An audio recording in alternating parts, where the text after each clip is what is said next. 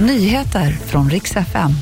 Skola utrymd efter brand i Hammarö och en koran i veckan tänker Paludan att han ska elda upp i Köpenhamn tills Sverige får gå med i NATO.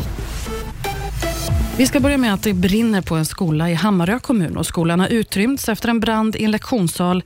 Resurser från två brandstationer finns just nu på plats och det är öppna lågor från byggnaden och man arbetar med släckningsarbete.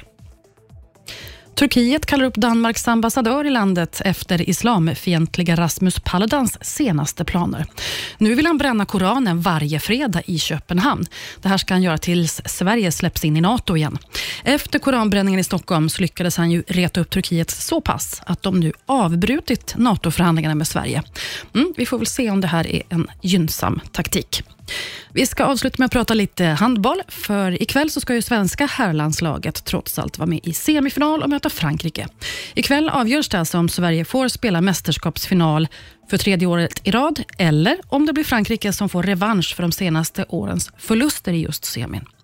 21.00 ikväll, då är det dags. Det var de senaste nyheterna. Jag heter Maria Granström.